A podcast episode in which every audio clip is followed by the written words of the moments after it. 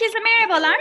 Bugün aslında pek çoğunuzun tanıdığını düşündüğüm, tanımıyorsanız bile bugünden sonra kendisini, işlerini çok yakından takip etmek isteyeceğiniz dünyanın en mütevazi entelektüellerinden biriyle buluşturmak istiyorum bu sohbette. Kendisini nasıl tanımlasam diye çok düşündüm. Aydan abinin Bir Tur Versene kitabına ön söz yazmış Sayın Bağış Erten'in tasvirinin Aydan abiye dair en güzel tanımlama olduğunu düşündüğüm için bu tasvirle başlamak istiyorum. Aydan Çelik, entelektüel, tarihsever, kapitalizm karşıtı, çevreci değil tam bir ekolojist, spor sever, tabii ki en önemlisi yazar ve çizer. Çok yönlü aydınların eski deyimle ilim irfan sahibi insanların azaldığı bir çağda iyimser bir merakla ortalıkta dolaşan biridir Aydan Çelik. Yine de bunlar ona özgün kılmaya yetmez. Azıcık kalsalar da memlekette böyle insanlar var hala. Onu farklı kılan bunları hırs, kibir barındırmadan, bilgiyi araçsallaştırmadan salihane bir merakla okuması, yazması, çizmesi, anlatması. Turgut Uyar'ın Efendimiz Acemilik yazısında söylediği türden bir şey bu. Bir taş alacaksınız, yontmaya başlayacaksınız. Şekillenmeye yüz tutmuşken atacaksınız elinizden. Bir başka taş, bir başka daha. Sonunda bir yığın yarım yamalak biçimler bırakacaksınız. Belki başkaları sever tamamlar. Ama her taşa sarılırken gücünüz, aşkınız, korkunuz yenidir, tazedir. Aydan Çelik de altında bisikleti, çizimleriyle her gün bir taş alıyor eline, yontuyor, şekil veriyor. Aynı heyecanla, aşkla, korkuyla, güçle. Sonra bırakıyor, başka birine geçiyor. Üstelik hiçbiri yarım yamalakta kalmıyor. Ama bırakmasını da biliyor işte. Hiçbirine özel bir değer atfetmeden, kendini fazla ciddiye almadan ama bir şeyler yarattığını da bilerek yenisine geçiyor. O yüzden özel bir adamdır Aydan Çelik. Merhaba Aydan abi, sizinle sohbet edeceğimiz için çok mutluyum. Hoş geldiniz.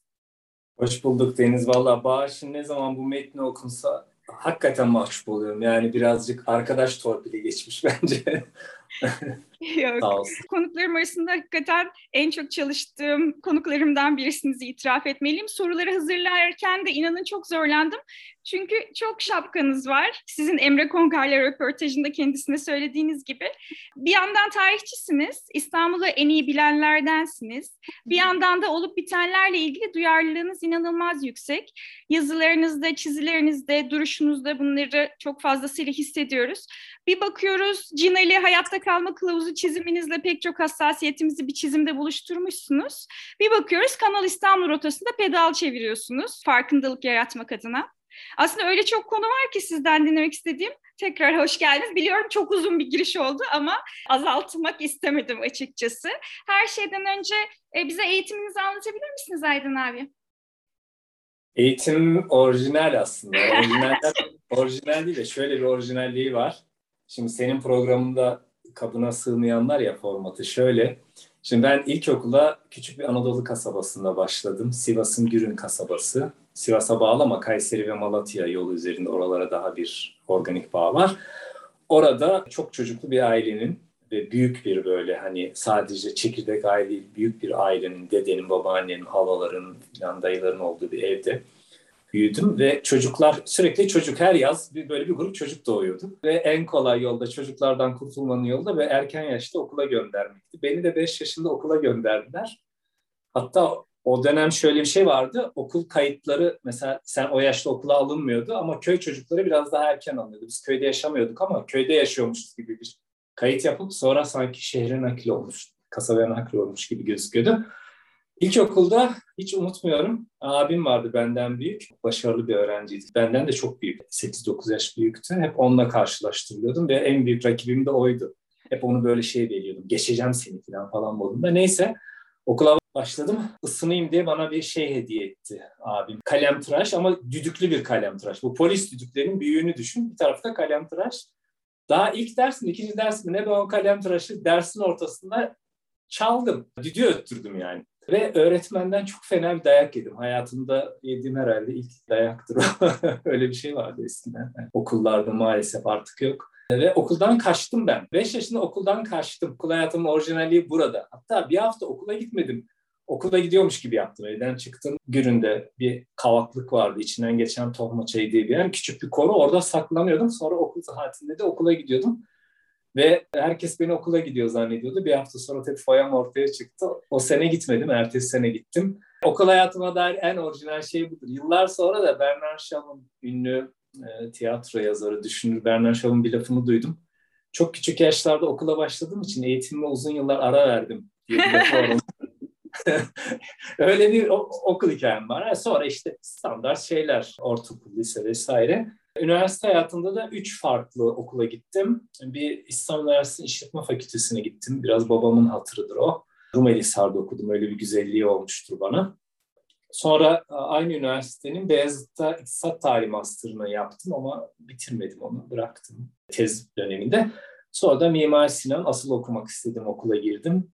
Mimar Sinan'da heykel okumaya başladım. Ama onu da bitirmedim. Kendi kararımla bıraktım. Şimdi biraz önceki aslında Bağış Erten'in tanımlamasında da geçtiği gibi ve sizin de anlattığınız gibi bırakmasını bilen bir insansınız söylediğiniz kadarıyla. Bunun çok önemli bir tavır olduğunu düşünüyorum. Bunu nasıl gerçekleştiriyorsunuz? İşletme eğitimi aldım. İşte 80'li yılların başında işletme eğitimi almak yükselen bir şeydi deyim yerindeyse. Babam da esnaf biriydi ve yani hoşuna gidiyordu ama ben onu yapmak istemedim mesela. Yazma çizmekle çok ilgiliydim. Yapmadım mesela o mesleği. Yani bir bankacı olmadım. Bana uygun değildi. Bırakmasını bilmek dediğim gibi kaçmak ya da hani maymun iştahlılık da olabilir. bir şeyi tam yapmadan. Hani laf var ya Türk gibi başla İngiliz gibi bitir diye. ya da Bağış'ın ön sözündeki gibi işte bir tane taş al yontma sonra o bitmeden öbürünü al. Öyle açıklayalım. Çok böyle aman aman idare edilecek bir durum bilmiyorum doğrusu. Ne yapmak durum... istemediğinizi biliyormuşsunuz. Peki ne yapmak istediklerinize nasıl kanalize oldunuz? Şöyle tabii biyografilerde şimdi bir şeyler yapınca biyografi istenir ya. Ben de kısa biyografi isterseniz üç kelimeden ibarettir diye. Nedir? Çiziyor, yazıyor, arıyor ya da onun biraz daha uzunu çiziyor, yazıyor, bisiklet serisinde çocukluğunu arıyor diye. Biraz daha uzunu da şöyle, uzun yıllar Van Gogh'un, Van Gogh'un böyle bir lafı varmış. Bizim işimiz eve ekmek götürme işi değildir, dünyaya gelme nedenimizdir. Ya böyle çok romantize bir şey. Arada bunu kullanıyorum ama peşine de şunu söylüyorum. Uzun yıllar Van Gogh'un bu cümlesine inandım. Ama gerçeği idrak ettiğimde bütün fırınlar kapanmıştı. Şimdi Van Gogh'u arıyorum Felik Felik. Herkesin hayat hikayesi gibi birazcık da rüzgarın sizi nereye yönlendirdiğiyle ilgili bir şey bu. Evet insanlar Marx'ın dediği gibi kendi tarihlerini kendileri yaparlar ama kendilerine verilmiş şartlar içinde yaparlar. Büyük bir cesaret gösterisi gibi algılansın istemem bunu. Bir de şunu söyleyeyim. Senin programın formatına ters düşmez diye düşünüyorum. Her deneyim aslına bakarsan bir taraftan genelin bir parçası ama bir taraftan da biriciktir. Yani o birazcık da o şartlarla ilgilidir dediğim gibi bu kişisel gelişim kitapları bana hep oldu bitti komik gelmişti. Yani şöyle yaparsanız böyle olur. E, hayat böyle bir fen ya da kimya deneyi değil ki normal şartlar altında diye başlıyorsunuz. Oradayken bile. Biz bisiklete binerken bisiklet yol bilgisayarı diyorlar. GPS cihazları. O bile açık hava basıncına bağlı ölçüyor her şeyi. Yani aynı yerden geçiyorsunuz. Bazen 3 metre yükseklik veriyor. Bazen 7 metre yükseklik veriyor. Yani öyle bir şey. Benim ulaşıp da okuyabildiğim birçok dergide ve gazetede yazıp çiziyorsunuz. Jineps Çerkez dergisi, Solfa Sol Ankara dergisi, T24, Diken, İstanbul dergisi, Beşiktaş dergisi ve en önemlilerinden Toplumsal Tarih Dergisi ki oradaki çizimleriniz Mişli Geçmiş Zaman adı altında bir kitap olarak yayımlandı. İki de çok önemli kitabınız var. Ben özellikle onların üzerinden konuşmak istiyorum. Önce Bir Tur Versene'den başlamak istiyorum. Bisiklet yazıları çizilerinden oluşan bir kitap. Hakikaten çok sıkı bir kitap. Sizi dinlerken de okurken de benzer tadı alıyorum ben. Çünkü çokça referanslarla, alıntılarla, göndermelerle anlatıyorsunuz. Hal böyle olunca bir bakıyorsunuz Aziz Nesin yanı başınızda. Başka bir an Gündüz Vassaf, başka bir an Sadri Alışık. E, kitaplarınızda da öyle. Bir tur versene nasıl ortaya çıktı? O kapak resmiyle, bütünüyle nasıl ortaya çıktı? Hikayesini sizden dinlemek istiyorum. Bir tur versene gelmeden önce aslında bu saydığın şeyler içine Cyclist Türkiye'yi de ekleyelim bisiklet Aa, evet, dergisi. En, en düzenli yazdım o. Kaçıncı sayıya geldik? 78 mi olduk? Yani Türkiye'de bir bisiklet dergisi ki İngiliz lisansları. Adı o yüzden İngilizce. Özentiden değil. İsmi değiştiremiyorsunuz. Bisikletçi manasında cyclist. Orada yazıyorum. 80'e yakın sayı oldu. Başından beri hiç aralıksız. Arada da Sokrates'e yazıyorum. Bir tur verseneye gelince bir tur versene bir kısmı daha önceden yazdığım yazılar, bir kısmı da o kitap için yazdığım yazılar ve çiziler. Bisikletin hayatımda önemli bir yeri var. Bisiklete dair bir işte sportif yanı var bunun. Bir yarışlar var. Onun etrafındaki dünya var. Bir de bisikletin tarihi var, sosyolojisi var, psikolojisi var. Bir sürü yanı var. Yani bisiklet çok ilginç bir nesne. Çok doğrudan, çok bereketli bir nesne. Bitmiyor yani aramak ve bulmak serüveni. Ve bir tur versene de ondan küçük bir bölüm seçilmiş yazılar ve çizimler aslında 10 yaşına da basıyor. Çok da şaşırtıcı bir şey oldu. Şimdi bir tur versene kitabın yayınlandığında ben ilgi göreceğini düşünüyordum açıkçası. Çünkü Türkiye'de bir bisiklet ilgisi trendi başlamıştı.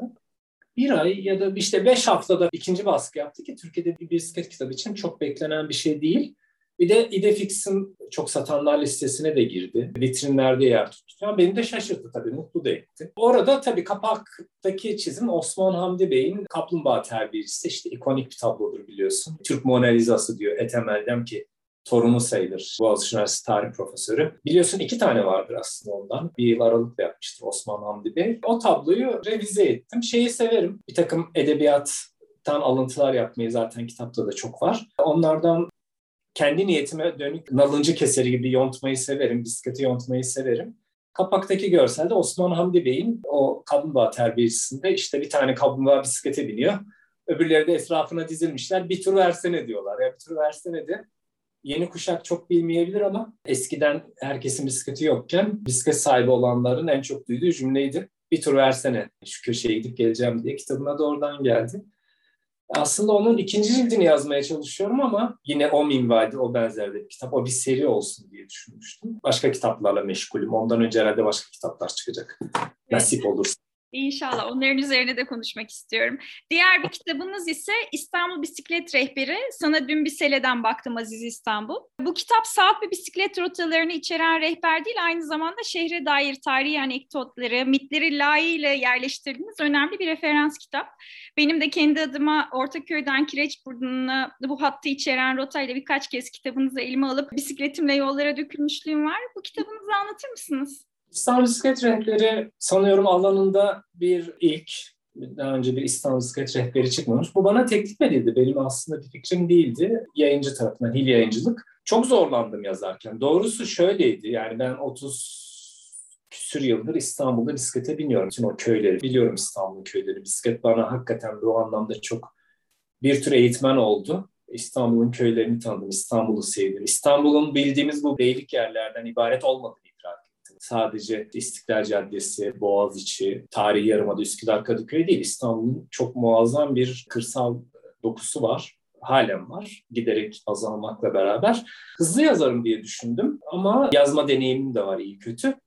Çok zorladı. Üç yıl boyunca başka hiçbir şey yapmadan rehberi yazdım. Çok beni yıprattı doğrusunu söylemek gerekirse. Özellikle tarihi yarımada dediğimiz Suriçi bölgesi. Yani etrafı surlarla çevrili Büyük Evliya Çelebi'nin de 30 bin adım fır dolayı dediği tarihi yarımada ki gerçek İstanbul orasıdır. Oraya kurulmuştur. Megaralı Bizans'ın kurduğu sonra Doğu Roma İmparatorluğu'nun başkenti olan İstanbul dediğimiz yer orasıdır. Kalan İstanbul değildir aslında. Kadıköy'de bir çizgi film bürosunda çalışırken ustam şey derdi Ali Murat Erkorkmaz. Moda'da çalışıyorduk. Çocuklar İstanbul'a gidiyorum, iniyorum bir şey istiyor musunuz derdi. O yani İstanbul derken tarihi yarımadayı kastederdi.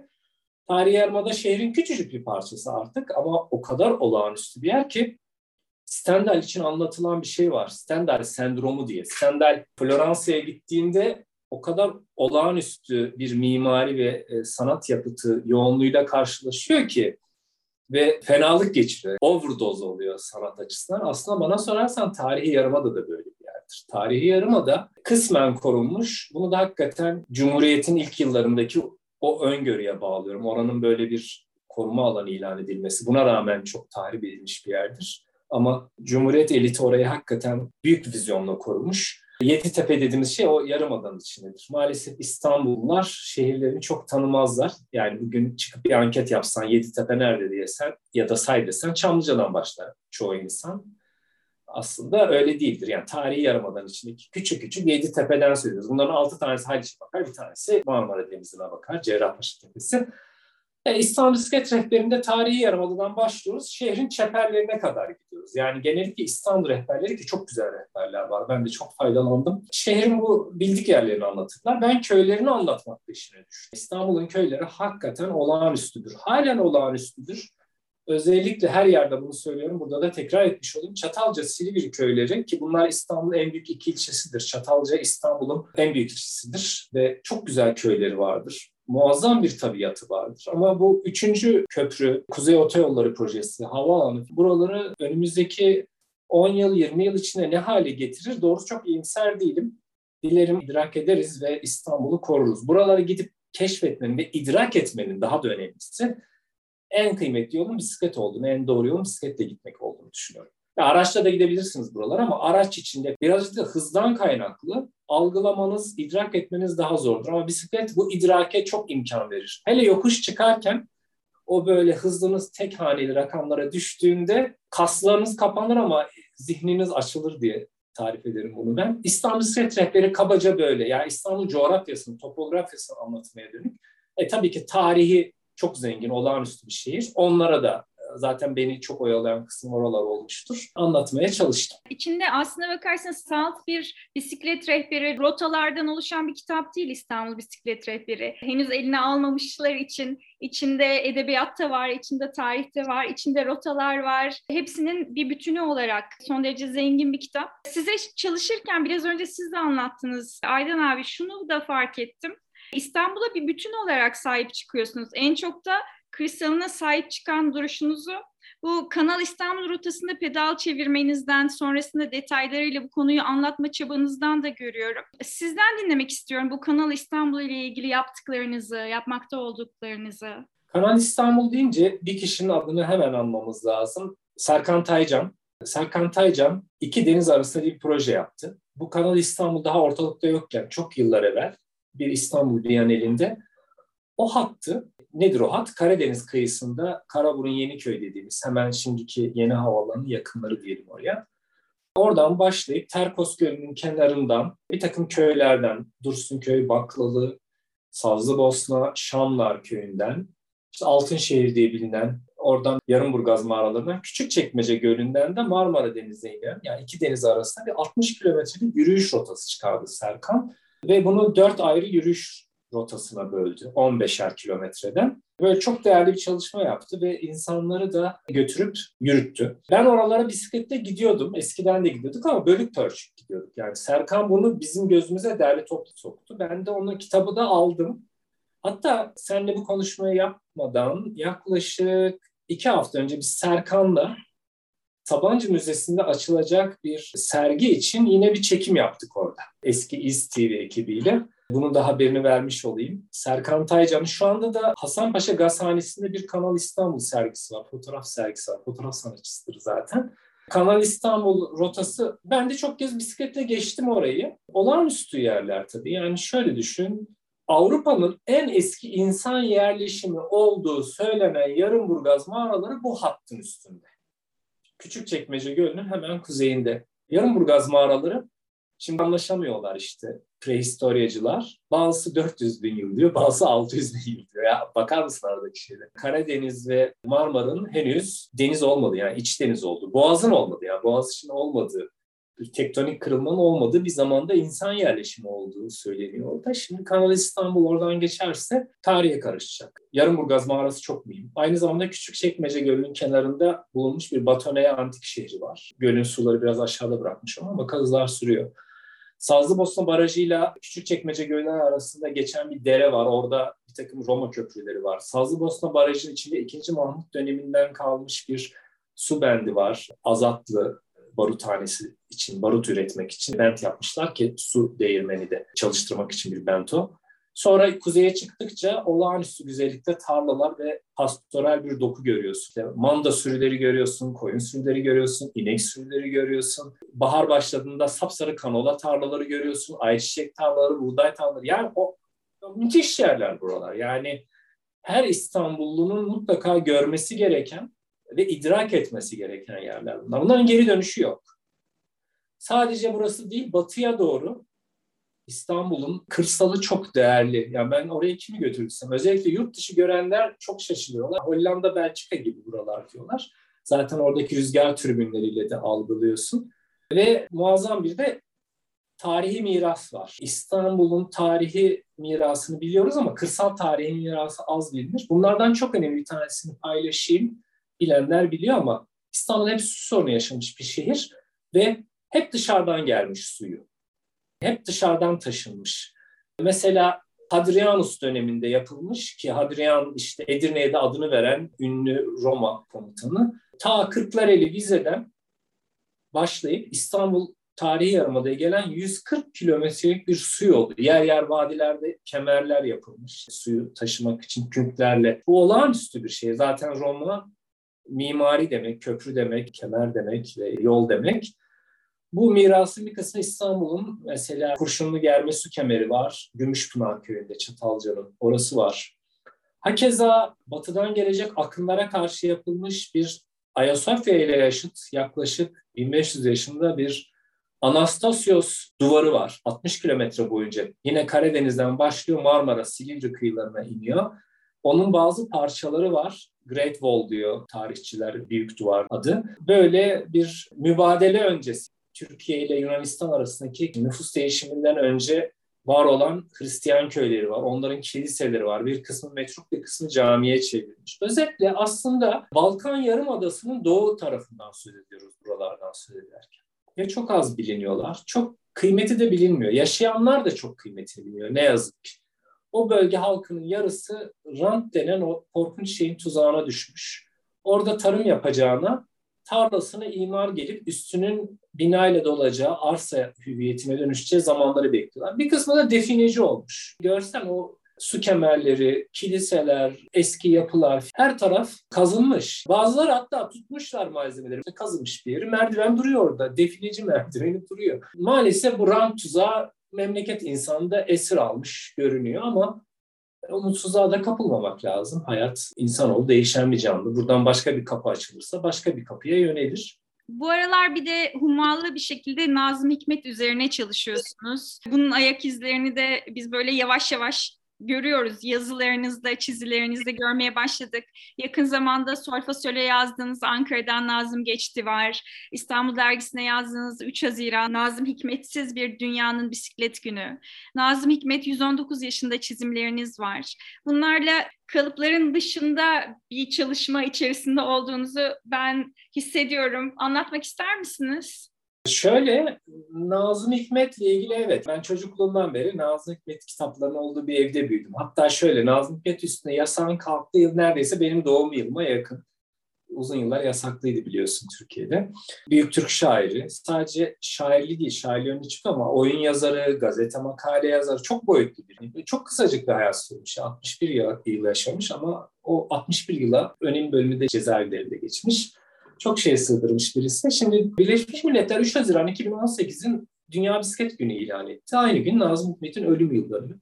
O günden beri ben bu konu üstüne duruyorum, çalışıyorum da bir taraf. Bir şeyler olacak herhalde yakınlarda. Ama onun dediğin gibi küçük küçük parçalarını da dışarı deyim yerindeyse sızdırıyorum. İstanbul Dergisi'ne yazdım. İstanbul Büyükşehir Belediyesi'nin çıkardığı İST dergi ya da kısa adıyla. Ona yazdım Nazım Hikmet yazısı. Nazım'ın eserlerini bisiklet imgesi üzerineydi. Çok şey var. Tabii Nazım İstanbul gibi ömür biter İstanbul bitmez diye bir laf varsa ömür biter Nazım bitmez gibi bir şey var. Nazım Hikmet'in hem şiirlerinde hem düz yazılarında hem de hayatının başka pratiklerinde bisiklete dair bir çalışma yapıyorum. Birazcık da bunu genişletiyorum şimdi. İst dergideki yazı öyle. E diğer taraftan da şu var.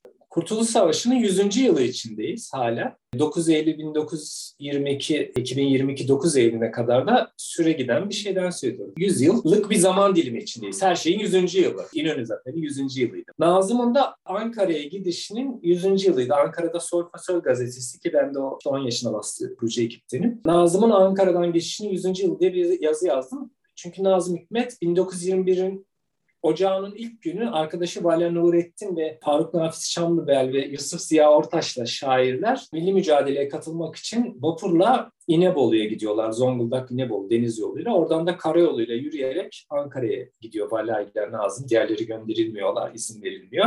Onun 100. yılıydı. Müthiş bir hikaye tabii. 10 gün yürüyorlar Ankara'ya doğru. Ankara 1921 Ankara'sını gözünün önüne getir yani. Şimdi yeni bir ülke kuruluyor. Müthiş bir dinamizm var. Onunla ilgiliydi yazı. Dediğim gibi yani Nazım'la ilgili okumalarım kaç yıldır devam ediyor. İnşallah bunu daha derli toplu bir halde ve çok da Nazım kitabı var doğrusunu söylemek gerekirse. Hatta Bazıları hiç lafımı sakınmayacağım. Ya bunları niye yazmışlar ki kitaplar benim? Çünkü daha önce yazılmış, Nazım da aynı dönemde yaşamış. Birebir tanımış insanları yazdığı anılardan derleme yapıp yeni kitap gibi yazanlar. Bunların içine düşmek istemiyorum. Onlardan farklı bir kitap olsun istiyorum. Sanıyorum farklı da olacak. Nazım da böyle özetleymiş oldu. İnşallah dört gözle bekliyoruz meyvelerini biz de. bir bisiklet belgeseli seriniz var. Velosiped ile bir Cevelen seyyahların izinde. Bu belgesel serisi nasıl ortaya çıktı? Şöyle 2000 galiba 9-10 yılıydı. İş Bankası'ndan çok güzel bir kitap yayınlandı. Velosiped ile bir Cevelen. Velosiped bisikletin eski adı. Eskiden öyle dedim şey. Cevelen da eski Türkçe'de seyahat, tur. Bir adam henüz 1900'lü yıllar olmamış, 1800'lerin sonları. Adı Ahmet Tevfik, bir gazeteci bu. Bir arkadaşıyla beraber, arkadaşın adı yok kitapta. İstanbul'da Galata'dan vapura biniyor. Vapurla Mudanya'ya geçiyor ve o zamanki adıyla Hüdavendigar vilayeti denen Bursa'da bisiklete biniyor ve onu yazıyor. Bir tür günlük gibi. Bugünün Türkçesine de bu yıl kaybettik. 104 yaşında galiba Cahit Kayra müthiş bir insandır. Eski bakan. Bugünün Türkçesine kazandırdı o kitabı. E, ben onun hakkında bir yazı yazdım. O dönem Radikal Gazetesi vardı. Ondan sonra Ankara'dan bir çekim ekibi aradı beni. Alper Tunga Özdemir yönetmen ve Zehra Çelenk yapımcı.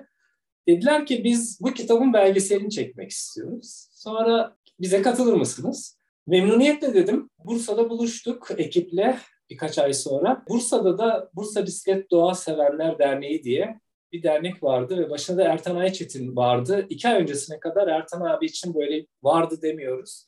Demezdim. Maalesef iki ay önce hayatını kaybettik kalp gözden. Çok hoş, çok sevdiğim bir insandı. Bu kitabında festivalini yapıyordu. Yüzyıllık Macera diye. Onunla beraber Ahmet Tevfik'in izini sürdük. Zaten seyyahların izinde belgeseli total adı. Onun içine de Velosiped ile Cevelen diye özel bir bölüm. İki tiyatrocu arkadaşımız dönem kıyafetleri ve dönem bisikletleriyle Ahmet Tevfik'in metinlerini okuyarak yol aldılar. Biz de Ertan abiyle bugünün bisikletçileri olarak onların işte geriye ne kalmış konsepti içinde tur attık. 8 bölümlük uzun bir dizidir. Ben yönetmene sürekli Alper ya şunu kısaltsan da hani böyle bir yarım saat 40 dakikalık bir dizi yapsan da daha değerli toplu olsa diyorum. Buradan da o çağrıyı yinelemiş olayım. Alper'e de bunu iletmiş olalım.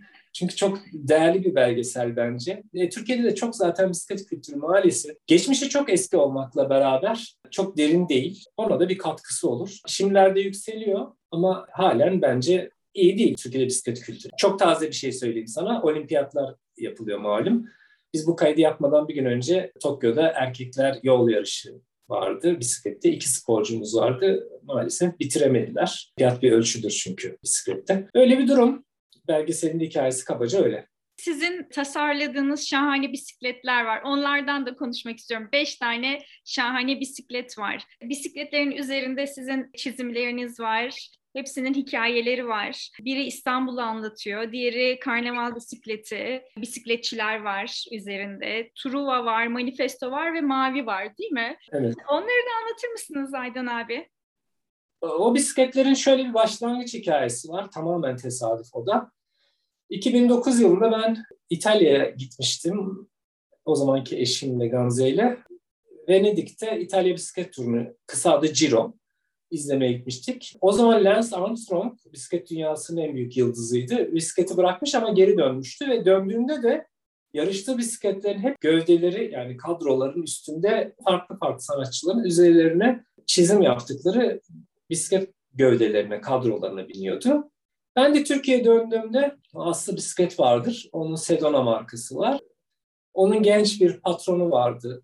Sacit Emanet. Buradan da selam olsun Sacit'e. Bunu anlattım. Abi sen de bize bir şey çalışmaz mısın dedi. Öyle başladı o hikaye. Onun teklifiyle başladı. Ve o kadar büyük tesadüf ki 2010 yılında İstanbul Avrupa Kültür Başkenti'ydi. Biz bir dizi fikir çalıştık ve İstanbul'da karar kıldık. Bir bisiklet gövdesini resim kağıdı gibi düşün ya da tuval gibi düşün. Onun üstüne ben işte bir takım çizimler çalıştım. İstanbul çizimleri ama beylik İstanbul çizimleri olmasın, özgün olsunlar istedim. Galata Kulesi olsun ama çok tüketilmiş bir şeydir İstanbul imgeleri aslında. Galata Kulesi'nde mesela kanatlı bir bisiklet uçurdum. Zaten Ahmet Çelebi'ye gönderme Evliya Çelebi'nin ünlü karakteri. Vapuru bir bisiklet vapuru yaptım. İstanbul yazısını bisiklet parçalarına yazdım. dikili taşa bisiklet imgeleri yerleştirdim. Araya o kuşların hierogliflerin arasına. İstanbul bisikleti yaptık. İstanbul 2010 Avrupa Kültür Başkenti'ne de o bir o projenin bir parçası oldu. Merak edenler Rahmi Koç Müzesi'nde o bisikleti görebilirler. Devamı geldi. Aynı firmayla sonra Karnaval diye bir fixi, sabit bisiklet yaptık. Üstünde bisikletçileri Karagöz Hacivat esprisini çizdim. Dünyanın ünlü bisikletçilerini. Arkasından başka bir firmayla, Karnaval firmasıyla manifesto, bisiklet manifestosu diye bir şey yazmıştım ben. Onun bazı maddelerini görselleştirdik. O bir bisiklet oldu. Bir başka ünlü şehrin, Troya'nın bir bisiklet oldu katlanır. Sonra da Mavi diye bir yol yarış bisikleti yaptım. 2022'de de şimdi adını vermeyeyim ama başka bir proje üzerine çalışıyorum. Ee, üzerinde imzam olan çok keyifli bir şey tabii bu bir çizer için. Şanslıyım şöyle ben kendi çizdiğim bisikletlerin üstünde yol alıyorum. Onları biniyorum. Çok ayrıcalıklı bir durum. Çok hoşnut durum. çok çok güzel gerçekten de. Ben de bakmalara doyamıyorum. Sevesim geliyor gerçekten. Aydın abi o kadar güzeller. Size bir sorum olacak. Bisiklet binenin ve düş görenin işi gücü rast gidermiş. Doğru mu Aydın abi? Doğru muhtemelen. Tabii şimdi şöyle bir durum var. Bazı bu bisiklet çalıştayları oluyor. Orada şehircilik uzmanları, bir takım uzmanlar çıkıyor. Konuşuyorlar, rakamlar, makamlar. Nacizane ben de arada böyle söz verilirse davetliysem ya da konuşuyorum. Diyorum ki ben burada bisiklet realizmi konuşuldu. Ben bir bisiklet romantiyim ve bazen uçabilirim. Biraz da işim ona yatkın. Uçmak üstüne işim. Hayal gücüyle ilgili çünkü. Hatta bir tur versenin arkasında şöyle bir cümle var. Bisiklete binen kişi vuslatına kavuşmuş aşık misali işte kör olur. Biraz da dünyayı olduğu gibi değil de olmasını istediği gibi görür diye. Hani demin bu şeyden söylemiştik ya Ahmet Tevfik diye bir adamdan Bursa'da gezi yapan, cevelen yapan. Onunla aynı dönemde o bölgede doktorluk yapan bir kişi var, hekim var, senin mesleğin. Doktor Şerafettin Muamumi çok önemli bir adam. Sonradan da İttihat Terakki'nin yöneticilerinden olacak. Onun anılarında o Bursa bölgesinde aslında o dönemde kolera var. Ve Şerafettin Muamunu kolerayı anlatıyor ama aynı dönemde orada bisiklet turu yapan adam Ahmet Tevfik hiç koleradan falan söz etmiyor. Cennetten koparılmış parçalar misali anlattığı her şey.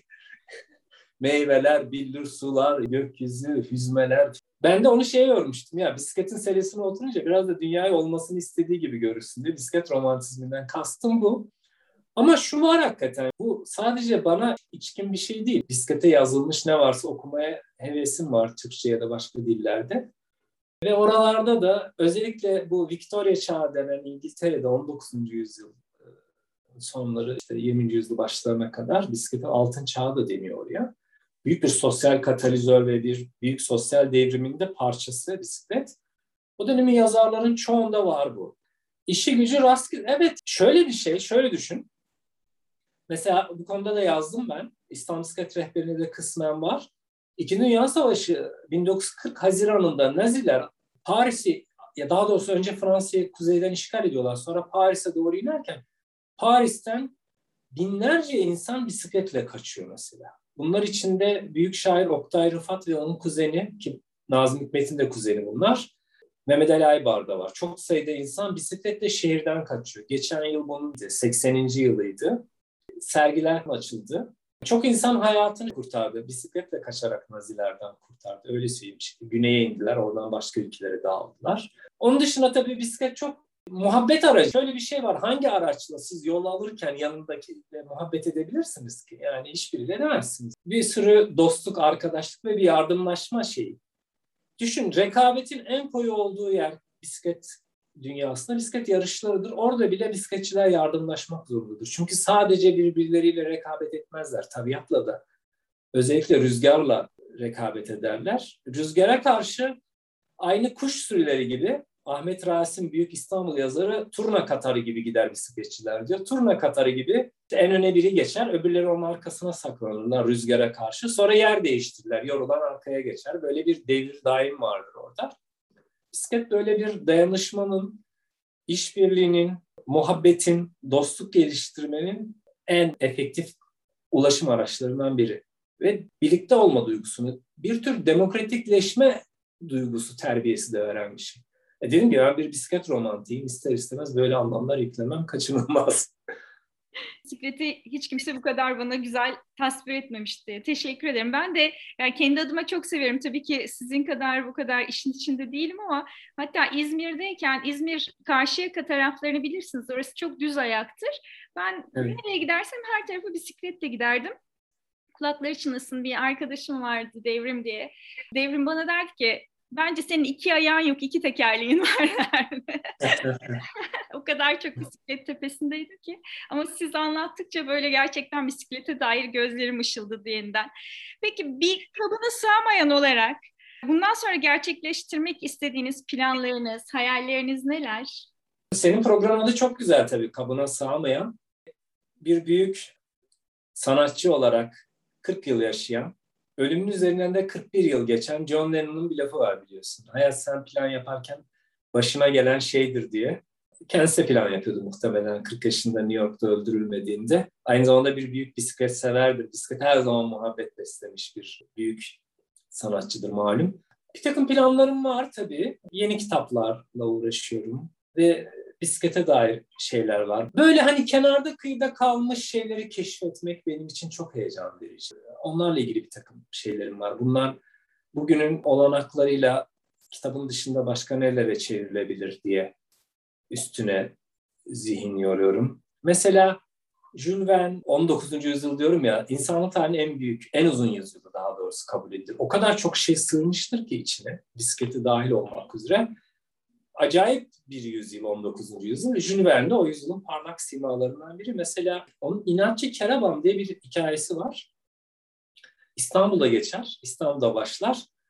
Van Mitten diye bir Hollandalı tütün tüccarı İstanbul'a gelir. Tütünler İstanbul'dan ona ulaştırılmaktadır. Tütünlerini yollayan da Keraban Ağa diye bir adamdır. İnatçı Keraban diye de biliriz. Bu Van Mitten'i Karaköy'de, Tophane'nin oralarda evine götürmek için Üsküdar'da evi Keraban Ağa'nın.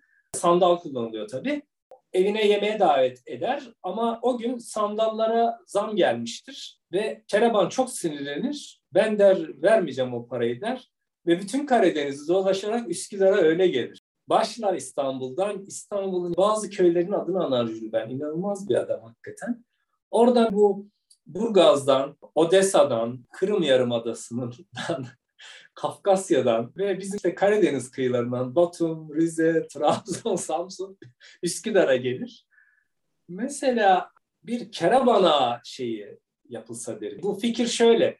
Eminim çok insanın aklına gelmiştir. Biz böyle bu tür kreatif işlerde çalışanlar biraz kıskanç oluruz. Bu fikrimi kimse almasın diye ama yani bunu biri yaparsa da zaten birilerinin aklına da gelmiştir. Mesela öyle bir şeyin parçası olmak isterim. Müthiş bir şey hakikaten. Keravan'ın izinde Karadeniz. Kabaca öyle. Bir de sen beni bu programa davet ettiğinde bu kabına sığmamak ne demek diye biraz düşünmüştüm ve aklıma baktım da hakkında da bir yazı yazdım öldüğünde. Cavit Murtezaoğlu diye bir müzisyen vardı. İranlı, İran Azerisi, Tebrizli. Çok kıymetli bir insandı ve maalesef Cavit Murtazaoğlu 7 Ağustos 2020'de koronadan hayatını kaybetti. Onun Seyit Nesimi'den derlediği şiirlerin ona ait olduğu, Seyit Nesimi'ye ait olduğu bir bestesi var. Çok güzel bir beste. Kardeş Türküler grubu onların çocuk haklı albümünü de kapaklarını ve iç sayfalarını çizdim. Yakın dostlarım. Cavit Murtezaoğlu onların ayrılmaz parçasıydı. Bir de gazete Duvar'da Cavit Murtezaoğlu'nun ölümüyle ilgili bir yazı yazmıştım ben. Çok yıllar önce tanıştım. Yıllar sonra tekrar karşılaştım. Çok değerli bir müzisyendi. Onun sözünü ettiğim şiiri Sığmazam diye bir şiir. Hani kabına sığmak dedin ya Azerice. Bende sığar iki cihan, ben bu cihana sığmazam diye. Yani bu cihana yani hem mevcut dünyaya hem de ahirete öbür dünyaya sığarım. Bende var bunlar ama ben bu cihana sığmazam diye. Çok güzel bir türkü. O okumak istiyorum sözlerini. İki satırını okumak istiyorum tabii Fars şiir geleneği Türkçeyi de çok etkilemiştir malum. Ben de sağır iki cihan, ben bu cihana sığmazam. Cevheri la mekan benem, kevni mekana sığmazam diye gidiyor. Bir videosu var. E, YouTube'da hemen geliyor. Altına bizim bildiğimiz Türkçeyle, kullandığımız Türkçeyle de bu birazcık yabancı olduğumuz kelimeleri de açıklıyor. Kendi de açıklıyor. Onunla bağlayayım ben. Benden daha iyi ifade etmiş bir Ozan'la bağlayayım bu sorduğun sorunun son kısmını. Çok güzel bir program oldu Aydan abicim. Çok teşekkür ederim. Kendi tarzınızla, alıntılarınızla, o zenginliğinizle sizinle her zaman sohbet etmekten çok mutluluk duyuyorum. Bu sohbette beni çok mutlu etti. Sağ olun. Rica ederim. Dedim ya senle konuşmuştuk. Tabii bu İstanbul Sırat rehberinde oldu mu hatırlamıyorum ama bir tür versene de daha düzgün gazetelerdi. Daha düzgün insanlar istihdam ediyorlardı. Söyleşi yapıyor mesela işte. İnsan kitaba bakmaz mı biraz? Sen böyle görünce hazırlıklı hakikaten hoşuma gitti. Teşekkür ederim. O yüzden çok memnunum konuşmadan. Çok çok teşekkür ederim. Hoşçakalın. Hoşçakal. Bay bay.